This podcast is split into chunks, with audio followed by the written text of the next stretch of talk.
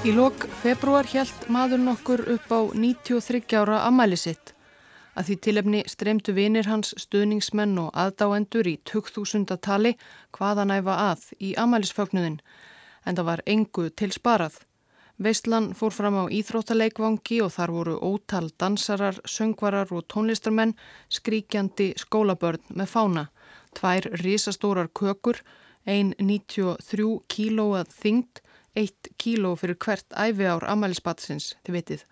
Og önnur í læginu eins og Mercedes-Benz glæsikakki, uppáhalds fararskjóti amælistrengsins.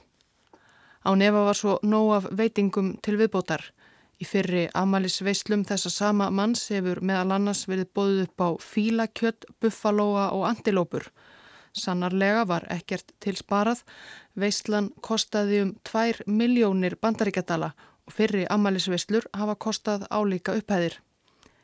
Og þetta er í landi þar sem á bylinu 70 til 80% þjóðarinnar eru undir fátækramörkum, annar eins fjöldi er atvinnulegs, verðbólka var leikið vel einhversu mesta sem sést hefur og gjaldmiðillin var þá endanum svo verðlaus að hann var einfallega látin gossa.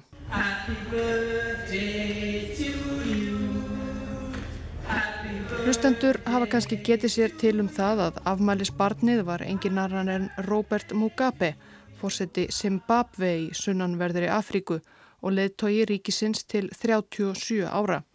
Maður sem í dag er eins konar staðalýmynd hins afríska einræðisherra, gjörspiltur, þölsetin og forhertur, maður sem er græðki og valdafíkn og grimt hefur stemt landi sínu í glötun og orðið þjóðsynni til ómælds ama. En það var ekki alltaf svona. Um það leiti sem landið Zimbabwe varð til árið 1980 og lengi framanaf ríkti almenn bjart síni um hinn nýja leðtóa landsins, Robert Mugabe.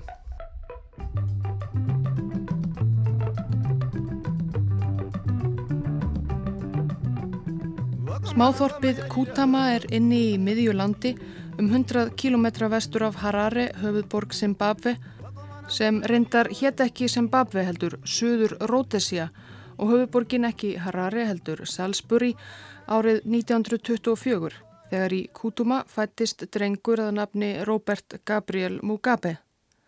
Robert var þriðji sónur hjónana Bónu og Gabriel Mugabe en báðir eldri bræður hans dóu ungir. Í fátæku Þorpi eins og Kutama á þessum tíma var mikið um barnadauða og þegar Robert var tíu ára yfirgaf fadir hans fjölskylduna, fann vinnu annar staðar og kom sér upp annari fjölskyldu. Robert Littli þurfti því að axla mikla ábyrð sem elsti sonurinn í föðurlausri fjölskyldu og það gerði hann að fullri alvöru. Þorpið Kutama hafði sprottið upp í kringum kathólst trúbóð og trúbóðskóla Drengjaskóli Heilags Frans Xavier í Kutama var raunarinn fremsti drengjaskóli Rótesíu á þessum tíma og þar var Róbert við nám. Hann var bókneiður og duglegur námsmaður. Svo mjög að samnefnendur hans strítu honum á því en það var hann líka feiminn og fálátur. Í fyrstu tók Róbert stríðnina næri sér en ekki lengi því hann fekk nægan stuðningur öðrum áttum. Móður hans, skiljanlega harmþrungin að hafa mist tvo síni og eiginmannin líka, hafði ofur ást og ofur trú á duglega námsmanninum síni sínum. Hún var þess fullvisum að hann myndi ekki bara bjarga henni og sískinum sínum úr viðjum fátæktar, heldur verða mikill leðtogi. Og evrósku kennararnir í trúbóðskóla heilags Frans Xavier tóku undir. Þeir sáu fljótt að Robert Mugabe hinn ungi var engin venjulegur nefandi, heldur einstaklega efnilegur bæði eldklár og atorkusamur. Kennararnir kvöttu Mugabe til að leggja harðar og harðar að sér og urðu þess líka fullvissir að þessi bókneiði drengur ætti glæsta framtíð fyrir höndum. Hann væri framtíðar leðtogi.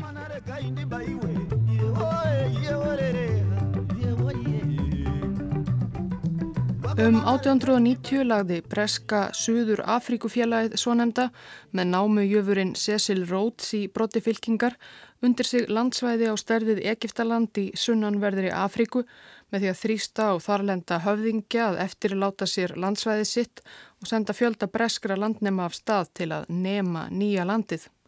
Slíkt þótti ekkert tiltökumála á þessum tíma undir lok 19. aldar þegar stórveldi Evrópu voru í óða önnað leggja Afríku undir sig hvað sem Afríkumönnum fannst um það. Landnematnir í þessu nýja breska flæmi þar siðra voru svo hrifnir af leðtoga sínum Cecil Rhodes að þeir fóru að kalla landsvæðið eftir honum, Rhodesíu. Svæðinu var síðarskipt í tvær einingar, báðu megin við Sambesi fljótið mikla sem rann þar í gegn norður Rótesía á norðurbakkanum og söður Rótesía á söðurbakkanum. Báðar lötu þó stjórn breyta, fyrst Róts og félaga í breska Söður Afrikufélaginu en urðu síðar á miðjum þriði áratug 20. aldar um Sveipa Leiti og Robert Mugabe fættist að fullgildum breskum nýlendum. Nýlendan Suður Rótesía fekk þó að halda ákveðinni sjálfstjórn gagvart stjórnvöldum í Lundunum en þá voru það sjálfsögðu kvítir landnemar í Suðurótesíu sem heldum valdatömmana. Innfættir höfðu afar takmörku réttindi. Fljótt var meira en helmingur rættarlands Suðurótesíu í eigu kvítra og svartir höfðu lítið um það að segja, urðu að setja sig við að vinna fyrir kvítamannin á landinu sem einu sinni hafi verið þeirra. Á árunum eftir setnastríð fjölgaði svo mjög í hópi breskra landnema í Suðurótesíu Brettar af verkamannastjett streymdu þongað suður í leitað tækifærum. Fjöldi kvítra landnema meira en tvöfaldaðist á örfa og márum og þeir heldu svo áfram að koma. Fyrir stríð voru kvítir íbúar Suður Rótesju nálega 100.000. Aldarfjörðungi eftir stríðslokk árið 1970 voru þeir orðin meira en 300.000 á móti nokkrum miljónum svartra.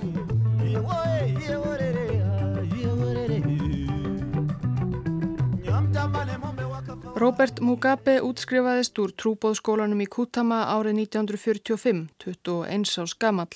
Hann var þá komin með kennsluréttindi og hafði síðustu árinni í skólanum kent yngri samnefendum sínum og þannig séð fyrir móður sinni og sískinum.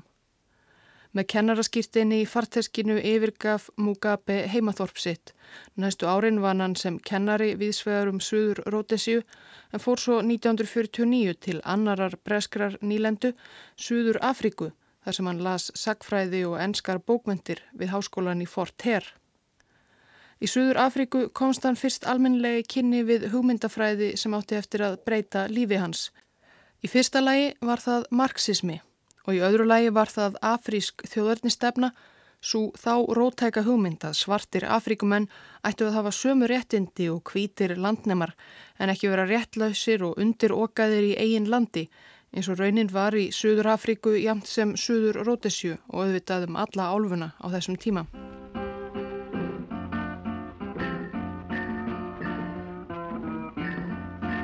Þegar Mugabe sneri aftur heim 1953 að loknu námi, komin með eina háskólagráðu, þar áttu eftir að verða alls sjö.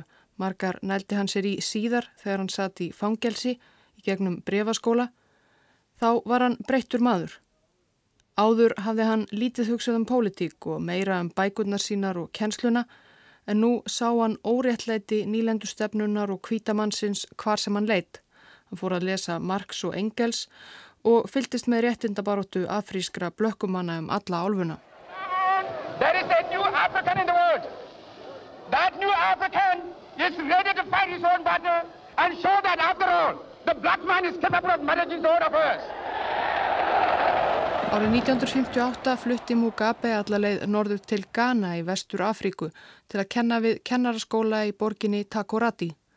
Mugabe saði síðar að ævintýra þrá hefði dreyið hann til Ghana og ekki síst það að ári áður hafði Ghana, sem áður hétt Gullströndin, orðið fyrsta afríska nýlendan sem endur heimti sjálfstæði sitt frá evróskum yfiráðum og var sjálfstæðis forkólfurinn og fyrsti forsættisra á þeirra sjálfstæðis Ghana, Kwame Nkrumah, baráttumönnum um alla álfuna innblástur.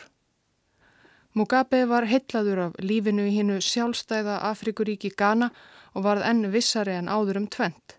Að þjóðir Afríku yrðu að berjast fyrir sjálfstæði sínu frá kvítamanninum og þær yrðu að gera það með marxismann að vopni.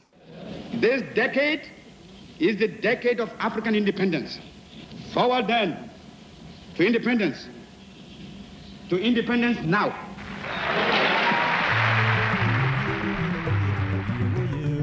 Á meðan Mugabe var lengst í burtu í Ghana blésu nýjir vindar einnigum heimaland hans, Suður Ródesíu. Hlutskipti innfættra þar var vissulega ekki alveg eins slemt og í grannríkinu Suður Afríku þar sem aðskilnaðastefnan apartheid hafi verið lögfest árið 1948. En óanæja svarts almennings var einhvað síður mikil. Hvítir menn stjórnudu öllu í Suðurótesju, hvítir mönnudu allar bestu stöðurnar, hvítir áttu allt besta rættarlandið, hvítir áttu alla peningana og það var lítil von fyrir innfætta svarta Suðurótesju menn um að geta skapað sér mannsæmandi líf sama þó þeir mentuðu sig og innu baki brotnu. Það voru einfallega engin almennileg tækifæri. Fyrstu baráttu samtök Suður Rótesískra blökkumanna voru stopnuð 1957 Afríska þjóðaráð Suður Ródesíu nefnt eftir sambarilegum samtökum í Suður Afríku. Leðtogi samtakana var verkaliðs fóringi og pretikari að nafni Joshua Nkomo. Hann var hófsendarmadur, hafnaði ofbeldi og lagði alla áherslu á að styggja ekki kvítu yfirbóðara nýlendunar og kvítan almenning um of. Enguða síður tóku stjórnvöldi í Salzburg í höfðborginni stopnun samtakana ekki vel. Þau voru snarlega bönnuð áður en þau gáttu í raun hafið baráttuna fyrir alvöru og stjórnvöld samþyktu svo lög sem settu þáttöku svartra í þjóðlífinu mjög þraungar skorður svo mjög að ég vel mörgum kvítum blöskraði að verið verið að breyta nýlendunni í laurugluríki. Í stað hófsama þjóðarásins sem strax var bannað komu bara önnur og rótækari samtök, National Democratic Party eða Líðræðisflokkur þjóðarinnar Leðtógar hans vildu ekki bara fá aukin réttindi, örlítið meira land, heldur sjálfstjórn, ráða sér sjálfur í eigin landi. Í júli 1960 kom Robert Mugabe heim eftir um tvö ár í Ghana. Þáttur reyndar bara að vera stutt stopp. Hann kunni vel við sig í Ghana og hafði þar að auki kynst ganverskri konu, Sally Heifron, sem átti eftir að verða fyrsta eiginkona hans. Hann ætlaði alls ekki að blanda sér í pólitík heimafyrir en hann tók þátt í einni kröfugöngu líðræðisflokksins í Selsbury. 2000 svartra gengu þá fyltu liði að embætisbústað forsættisráð þeirra nýlendunar. Það kvisaðist einhvern veginn út að í fjöldanum væri ungur maður, sprenglærður úr erlendum háskólum og búsettur í Ghana, mekku afrísku réttindabaráttunar. Robert Mugabe var fenginn til að ávarpa fjöldan og það gerði hann af miklum eldmóði og réttlætiskend og eftir það var ekki aftur snúið. Mugabe fór ekki aftur til Ghana. Hann fann á sér að hann yrði að einbeita sér að því að berjast fyrir frelsi þjóðarsinnar.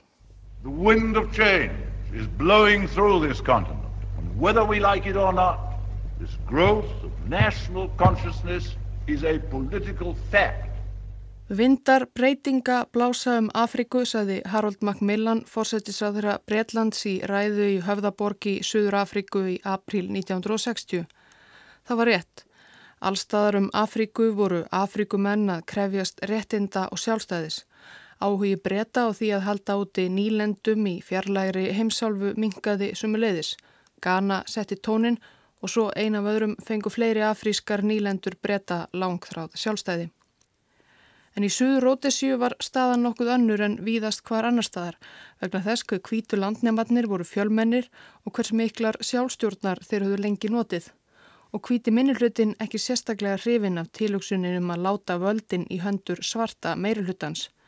Kvítir Rótesíumenn lifðu orðið í vellistingum, byggu við einhver mestu lífsgæði sem sáust í Afríku og vildu fyrir alla muni vernda þá stöðu sína með kæfti og klóm. Kvítir tóku því mjög illa þegar frendur þeirra og yfirbóðarar heima í Breitlandi fóru að viðra þá skoðun að kannski, kannski ættu þeir að gefa svarta meiri hlutanum meiri völd. Ó nei, eftir samningaviðræður í Lundunum var loks samið um að svartir fengju 15 af 65 sætum á rótesíska þinginum. Verkaliðsleitóin hófsami Joshua Nkomo samti um þetta fyrir hönd svarta meirulhutans en þegar hann kom heim með freglinnar urðu aðrir yngri og rótækari félagar hans æfir. 15 þingsæti var alls ekki nóg. Þeir kröfðust þess jú að fá að stjórna eigin landi. Eftir þetta leistist sjálfstæðisreifing svartra rótisjumanna upp í deilur og klopnaði á endanum í tvær aðal fylkingar Zimbabwe African People's Union eða SAPU sem einn hófsami Joshua Nkomo veitti forstuðu og Zimbabwe African National Congress, SANU. Þar var Robert Mugabe meðal fóristumanna. Munurinn á milli þessara tvekja fylkinga var svo sem ekki svo mikill. Báðar vildu færa völdin í hendur svarta meirulhutans. Báðar urðu fljótt sannfærðar um að besta leiðin til þess væri með vopnavaldi, skæru hernaði gegn stjórn hvita meirulhutans. Baráttan millir þessara tvekja fylkinga var þó hatrum og fljótt blóðug og mannskæð. Þegar Sabu og Sanu voru ekki að berjast gegn hvítum stjórnvöldum voru liðsmenn þeirra að berjast hverjir við aðra með öllum leiðum, allt frá gödubardugum til bensínsprengju árosa. Hvítum rótisíumönnum blöskraði óbeldis aldan sem skindilega blossaði upp í landi þeirra. Þeir óttuðust um haksinn og fylgtu sér bak nýjum og rótækum hæriflokki, Rhodesian Front. Hann vildi ekki bara taka harðar á svörtu ógninni og tryggja kvítum áframhaldandi yfirburði í Rótesíu, heldur losna við afskipti Breitlands með því að reynlega lýsa yfir sjálfstæði. Robert Mugabe var dæmdur í fangelsi fyrir andof gegn rótesískum stjórnvöldum í mars 1964. Um svipa leiti og dómur fjallifur Mugabe tók nýr maður við fóristunni í stjórnarflokki Kvítra, Rhodesian Front og varðum leið forsætisráð þeirra nýlendunar. I don't believe in black majority rule ever in Rhodesia. Not in a thousand years. I think it will be a disaster for Rhodesia. Ian Smith var fyrverandi herflúmaður og bóndi og fyrsti leðtói Rótesju sem var þar borin og bartfættur. Hann hafði lengi setið á þingi en hafði þótt atkvæða lítill þar og óeftirtæktarverður og komst til valda aðalega vegna þess að frambóðið á mögulegum leðtúum innan Rhodesian Front var ekki sérstaklega gott. En Ian Smith var líka forhertur sjálfstæðisinni. Eitt af fyrstu verkum Smiths var að taka á þessum svörtu sjálfstæðisinnum sem óðuðum allt með óbeldi, bæði gegn kvítum og hver öðrum, Sapu og Sanu. Bæði samtökinn voru bönnuð og ótal liðsmenn settir bak við lás og slá. Og svo, eftir mikill karp við breyta sem engu skilaði, Ian Smith var ekki tilbúin til að gefa mikið eftir heldur, lísti Rhodesia einhliða yfir sjálfstæði 11. november 1965. Of civilized control in southern Rhodesia isn't estimated in a period of two years as some people have tried to. We don't even stretch the era of civilization in southern Rhodesia to a hundred years. As far as we are concerned, it has got to be for all time. And then, of course, ladies and gentlemen, that means only one thing. Independence.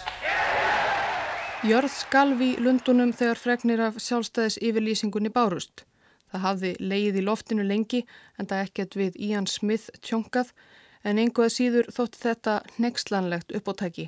Bresk nýlenda hafði ekki einhliða líst yfir sjálfstæði sínu frá 1776 þegar bandaríkjaman skrifuð undir sitt fræga sjálfstæðisplagg. Alþjóða samfélagið tók undir ramakvein breyta. Engin önnur þjóð viðurkendi sjálfstæði Rótesíu og öryggisráð saminuðu þjóðuna fordæmdi sjálfstæðis yfir lýsinguna sem ólögulegt valdarán rasísks minnihluta. Jafn snöglega og Rótesíu hafi líst yfir sjálfstæði var landið útskúfað úr samfélagi þjóðana. Í kjölfarið var Rótesíu beitt hörðum viðskiptaþvingunum og þurfti sumuleiðis að glíma við skæruhernað svörtu uppreysnar hópana tvekja. Eftir að báðir voru bannaðir höfðu liðsmenn Sapu flúið yfir til grannríkisins í norðri Sambíu sem áður var norður Rótesíja en var nú sjálfstætt ríki undir stjórn svartra og Sanu, samherjar hins fangelsaða Roberts Mugabe, farið austur til Mósambík þar sem innfættir uppreisnar menn voru í óða önnað reynað brjótast undan portugalskum yfiráðum. Báðar fylkingar, Sapu og Sanu, herjuðu svo á rótesísk yfirvöld yfir landamærin en Ian Smith var þó hvergi bángin.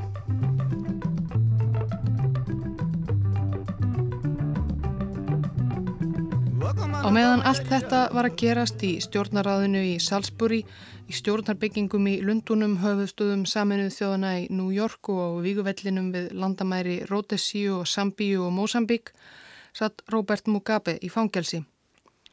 Hann átti sér þar fjölda skoðana og vopna bræðra og stýtti sér stundir með því að skipleggja kennslustundir í ýmsum fræðum en það hámentaður kennari sjálfur. En annars var vistin í fangilsinu erfið. Fangilsið var yfir fullt og aðstæður slæmar. Mugabe og samfangar hans hafa lítið tjá sig um þennan tíma en nær öruglega voru þeir beintir pyntingum og hardræði. Og það fekk þungt á Mugabe þegar sonur hans og ganversku eiginkonuna Sally lést þryggja ára gamallur heilabólku og fangilsis yfirvöld neituðu honum um leifi til að heimsækja sirkjandi eiginkonu sína og vera viðstattur í arðarför pilsins. Þetta fyrirgaf hann aldrei.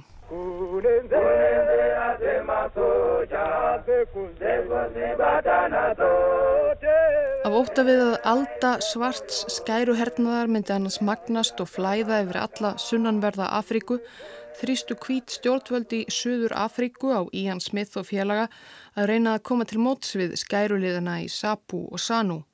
Meðal annars félst Smith á á að láta lausa nokkra pólitíska fanga úr fangelsum sínum og þar á meðal var Robert Mugabe sem var látin laus í nómöfur 1974.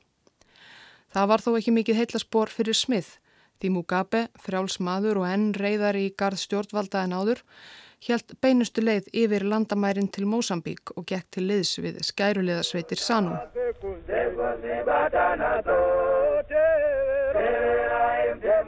Áriði 1974 batt Valdarán herfóringja endi á fjögura áratuga einveldi í Portugal og í kjölfarið mistu Portugalar tökin á nýlendum sínum í Afríku, Mósambík þar á meðal. Suður rótisjumenn mistu þar öflugan bandamann og staða skæruleiða Sanu varð enn sterkari. Þeir gáttu valsaði vildi yfir landamæri Mósambík og Suður rótisju og eigin kraftur færðist í herna þeirra. Hinga til hafi herrferð Sanu og Sapu ekki verið Ian Smith svo mikið vandamál og ekki svo alþjóðlega einangrun sem einliða sjálfstæðis yfirlýsing hans hafi skapað Suður rótisju heldur. Jú, viðskipta, þvinganir og bönn gerðu það verkum að kvíta yfirstjettin hafði ekki lengur úr eins mörgum viskitegundum að velja þegar þau sátu og sóluðu sig á verandum sínum. En að flestuleiti stóð Suður Rótesíska ríkið enn ágætlega og lífstíl kvítu íbúana var enn öfundsverður. En settust breytar og aðrir Evrópumenn að í Rótesíu sólgnir í sól og blíðu og í bresku sjónvarpi var Rótesíu enn markaðsett sem sumartvalarstaður. Forget for a moment any controversy there is about southern Rhodesia and see it as what it's becoming. An exciting holiday land where patrol boats watch over the... Ian Smith stittist þér stundir við að setja ímis lög og gera stjórnarskrárbreytingar til að draga ennur réttindum svarta meiri hlutans og tryggja það að svartir kæmus nú aldrei til valda í þessari paradís kvítamannsins. En hvað myndi paradísin endast lengi? Upp úr 1976 voru skæruleðar farnir að ráðast á saklausa kvítabændur í æ meiri mæli og meiri hörku, barsmíðar og morð, íkveikur og sprengjuárúsir. Úr munni mannsins sem þá var orðin einn helsti leðtogi uppreysnarmanna Sanu, Robert Mugabe, spýtust sífælt eldfimari og hatursfyllir í yfirlýsingar um stjórnvöld og alla kvíta rótesjumenn sem hann kallaði satista, morðingja og blóðsugur og þarfram eftir gödunum. We want full and unfettered democracy. Down with the racist constitution. Down with the dirty elections. Pamberi nechumrenga. We are at war with uh, Ian Smith and the war must continue. Sí harnandi átök í söður rótesjöullu áhyggjum margra, ekki síst söður Afrikumanna sem veldu síður sjástíkar blóðsúthellingar í bakgarðinum hjá sér og tilugsinnum að marxistinn Robert Mugabe gæti á endanum komist til valda fannst kvítum Suður Afrikumönnum heldur ekki sérstaklega góð. Bjóð Forster, þáverandi forsættisráð þeirra Suður Afríku og eldheitur apartheidmaður, fekk bandaríska utaríkisráþrann Henry Kissinger í lið með sér til að sannfæra Ian Smith um að hann gæti ekki haldið þessu gangandi endalust. Smith var þrjóskur sem fyrr en að lokum var hægt að fá alla að samningaborðinu Smith sem og skæruleðana sem börðust gegn honum fulltrúa bæði Sabu og Sanu. Mugabe var líka frekar tregur til að taka þátt. Hann vildi fremur sigra nýlendu herrana á vývellinum. En hann mætti þó og þótt að hafi kannski verið talið ótrúlegt á köplum þá náðust samningar að lokum. Þann 21. desember 1979 var undirritaður samningur kendur við Lancaster House í Lundunum. Samningurinn fól meðal annars í sér að sjálfstæði Rótesju erði viðurkent af alþjóðasamfélaginu eða sjálfstæði Zimbabwe eins og svartir íbúar kölluðu landsitt og það skildi heita framvegis. Skæruliðarnir myndur leggja niður vopn, Á móti erðu kvítir rótesjumenn að setja sig við það að færa völdin í hendur svarta meirulhutans. Bæði Smith og Mugabe skrifuðu undir samningin, báðir þó frekar ósáttir en einhvern veginn tilneittir.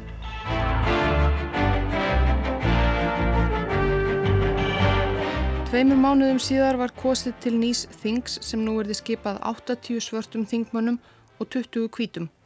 Ían Smith og kvítu landnematnir vonuðu á nefa allir að hófsamari öll svarta meiri hlutans myndu bera sigur úr bítum, menn eins og Joshua Nkomo.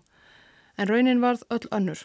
Sanu fylkingin með eldibrandin Robert Mugabe í fóristu vann stórsigur, hreinan meiri hluta á þingi. Fylgismenn Sanu fögnuðu á gödumúti, en... In Rhodesia, the triumph of Mr. Mugabe.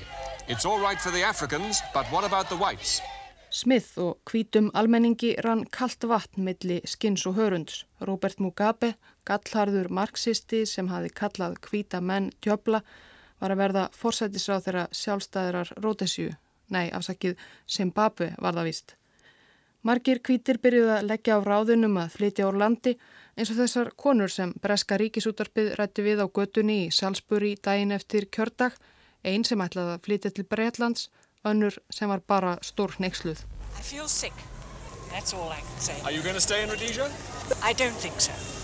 No. Where will you go? I go to Britain, in spite of the weather. How do you feel about Mr Mugabe's victory? I think it stinks, and the British stink with it, you idiot. En þegar verðandi fórsettisrað þeirra hjælt fyrsta sjómasáarp sitt var eins og þar færi allt annar maður. That a state of peace and security can only be achieved by our determination, all of us, to be bound by the explicit requirements of peace Í ávarpinu laði Mugabe, 56 ára gammal með stór glerugu að hætti nýjunda áratörinn sem var að ganga í gard, alla áherslu á friðsemt millir kynþáttana sem byggðu Zimbabwe. Ekki skildi dvelja við glæpi fortíðar og hvítir þyrtu ekki að óttast stjórn hans og þyrtu sko alls ekki að flýja. Ránglæti fortíðarinnar verður nú að fyrirgefa og gleima. Ef við horfum tilbaka, lítum frekar á þær leksíur sem fortíðin hefur kent okkur. Að kúun og kynþáttahyggja ættu aldrei að þrýfast í stjórnmálum okkar og samfélagi. Það verður aldrei réttlæting að einungis vegna þess að kvítir hafi kúað okkur í gær, að svartir verði að kúa þá í dag. Grimdarverk eru grimdarverk, sama hvort þau eru stunduð af kvítum gegn svörtum eða svörtum gegn kvítum. Meira að segja Ian Smith, fráfarandi fórsættisáþeran, var orðlaus yfir þeim Mugabe sem byrtist á skjánum. Hann var allur annar. Ráðgjafar Mugabes höfðu reyndar lagt hartaðanum að milda tónin og segja einmitt þetta. Kvíti minnilhutin hafði enn stóran hluta af ræktarlandi, eignum og fjármagni landsins í höndum sér og að þeir stikju úr landi allir sem einn með peningana er þið hennu ný sjálfstæða Zimbabwe erfiður bitið að kingja. Mosambík hafi til dæmis fengið að reyna það eftir sjálfstæði frá Portugal. Zimbabwe varð formlega sjálfstætt í april 1980 og Vesturlöndum ríkti almenn ánægja og bjart síni með nýjan leðtóa landsins, Robert Mugabe, nýja og sáttamiðaða. Hann bauð meira segja gamla óvinni sínum Ian Smith í kaffi, kvílíkt og annað eins. Fjárhags aðstóð streymdi úr vestri til Zimbabwe. En kannski blindaði þessi bjart síni vesturlandabúa, nú að kannski sjálfs ánægjan með þáttu vesturlanda í að bóla hinnum þröng sína rasista Ian Smith burt og binda endi á óreittláta stjórn hvita minnilhuttans í Rótesíu eða Zimbabwe. Allavega hjælt bjart sínin og jákvæðinin áfram langt fram eftir nýjunda áratugnum Jafnvel þegar fór að verða ljóst að Mugabe var ekki skindilega breyttur maður, hafandi verið kjörinn fórsetis á þeirra. Hann sló kannski sáttatón þegar komað kvítum fjármagsegendum en það logaði enni glæðum hins betra og jafnframt tilgangslittla stríðsgömlu ansbyrnu fylkingarna tvekja, Sanu Mugabes og höfuð ofinnarins Sabu. Nefnum staðar. Bæði Sanu og Sabu höfðu byrjað sem einungis pólitískar fylkingar með það eina markmið að steipa kvítu minni hlutastjórninni og í raun lítill munur á þeim eins og fyrir segir. En á því landsvæði sem nú kallast Zimbabwe búa ótal þjóðir og þjóðarbrott sem eru misskild og hefur í gegnum söguna komið misvel saman. og smátt og smátt byrjuðu Sanu og Sapu að draga dáma af þessu. Í raðir Sanu rauðust menn af sjónaþjóðinni sem Mugabe tilherir og er í meiri hluta svartra íbúa Zimbabwe. Hermenn og stuðningsmenn Sapu voru frekar af Ndebele þjóðinni í vestur og suðvestur hluta landsins og er kannski um 20% svartra Zimbabwe manna. Þetta hafði sitt að segja í því brennandi hatri sem ríkti millir fylkingarna tvekja. Mugabe skipaði tvo kvíta ráðherra í fyrstu ríkistjórn sína. Hann hjælti eftir ímsum hátsettum kvítum ennbætismönnum meðal annars yfirmanni gömlu rótisísku leinithjónustunar, manni sem hafði á valdatíð í hans smiðs aðalega varið vinnutíma sínum við það að reyna að ráða Mugabe sjálfan af dögum.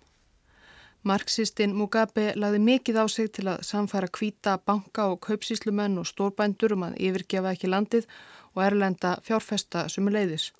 Á fyrstu áratugum sjálfstæðs svart Zimbabwe var efnahagurinn enda á blúsandi fart og þeir sem nutu góðs af því voru ekki síst kvíta stóregna fólkið. Svartur almenningur ekki alveg eins mikið En einhvað síður bætti Mugabe líka heilbriðiskerfi Zimbabwe's á fyrstu árum nýjunda áratugurins sem og mentakerfið, svo nú gáttu miklu fleiri börn komist í skóla og svo framvegis. Lífið varð auðveldara fyrir flesta og allir voru ánaðir með Mugabe, fyrstum sinn. En á meðan allt þetta hrefti aðtökli vesturlandabúa var Mugabe um leið en forhertur kommunisti að því leiti að hann var staðráðin í því að Zimbabwe er því einræðisríki þar sem aðeins einn flokkur heldi um stjórnartaumana, einræðisríki Sanu og hans sjálfs. Mugabe hófst enda fljótt handa við að gera útaf við óvinnin, hina sjálfstæðis og skerulega fylkinguna Sabu. Við það nautan aðstóðar nýs vinaríkis þar sem einmitt var viðhöfð svipuð stjórnmálasefna og Mugabe hafði mestar mætur á, Norður Kóru. Kim Il-sung, Norður Kóru leðtogi, sendi Mugabe snarlega nokkra af úrvalshermanum sínum sem þjálfuðu upp sérstaka og leinilega úrvalshersveit sem var kolluð fymta herdeldin.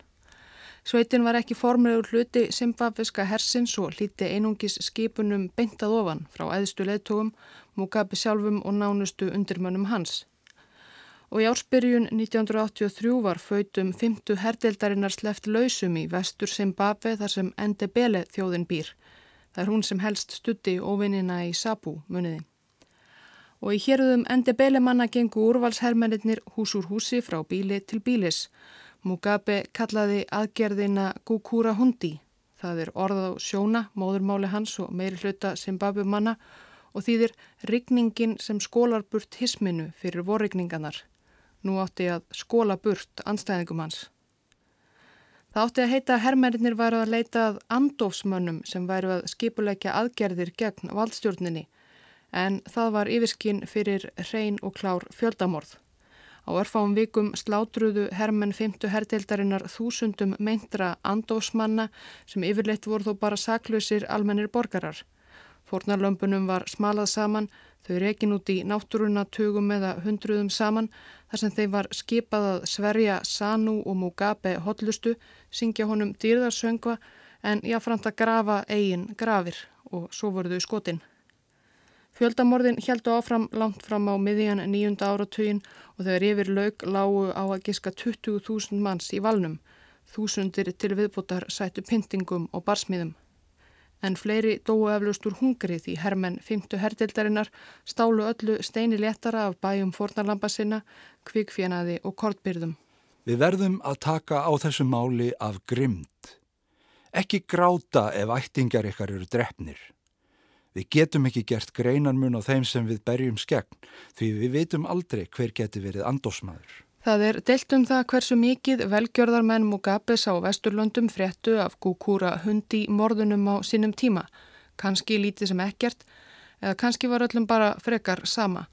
Allavega hjælt Mugabe ímyndinni sem framsýtn og góður leðtogi lengi enn og fjárhags aðstóð hjælt áfram að berast að utan. En svo fór Mugabe einning að beina reyði sinni gegn kvítum. Þegar kvítir Zimbabwe menn kusu Ian Smith og Rhodesiu fylkingu hans í umvörpum í kostningunum 1985 varð Mugabe brjálaður. Kostningarnar sína að þeir kvítu sjá ekki eftir gjörðum sínum. Þeir halda enn dauðahaldi í fortíðina og styðja mannin sem fór hryllilega með Zimbabvesku þjóðina. Ég vil taka skýrt fram að nú ætlum við að gera rasistum þessa lands mjög erfitt fyrir. Þeir hvítu sem geta ekki sætt sig við raunveruleikan verða að yfirgefa landið. Þetta sagði Mugabe á ensku fyrir þá hvítu, svo bætt hann við á sjónamáli. Við drepum alla þessa snáka á meðal okkar. Við gjör eigðum þeim. Eftir þetta og fleiri áþekkar yfirlýsingar fór margir hvítir sem bafu menn að hugsa sinn gang og yfirgáfu landið einn af öðrum. Meðfram því að Mugabe varð ílskeittari og ílskeittari og valdafísnin virtist ná allserjar tökum á honum var þann spiltari. Hann skipaði sjálfur í allar æðstu stöður hjá innu ofinbera og raðaði þar inn ættingum sínum og vinum. Fljótlega var til valda klíka eða elita manna sem áttu allt sitt undir fylgispekt við Mugabe en fengu í staðin sem leiðis forgang í öllum viðskiptasamningum ríkisins gáttu gengið auðveldlega í ofinbert fjö, látið greipar sópa um ríkisfyrirtæki og auðgast þannig gríðarlega. Ég er ríkur því ég er í Sanu, var einu sinni haft eftir einum zimbabveskum kaupsíslumanni og miljónamæringi sem var nátengtur Mugabe. Ef maður vill verða ríkur, verður maður að ganga í Sanu, bætti hann við.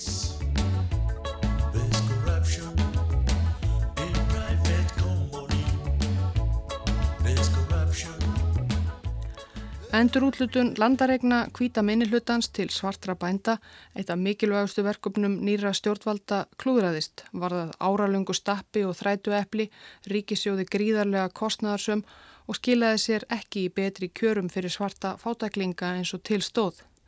Og spillingin sem smátt og smátt gegnum sýrði allt stjórn og efnahagskerfi kostaði sig.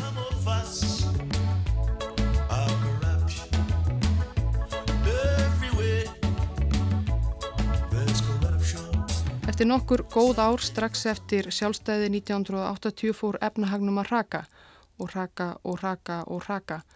Mugabe og félagar eittu langt um efni fram, steiftu Zimbabwe í djúpar skuldir, atvinnuleysi, jógst og verðbólka fór upp í svo háar hæðir að annað eins hefur varla sérst í veraldarsögunni.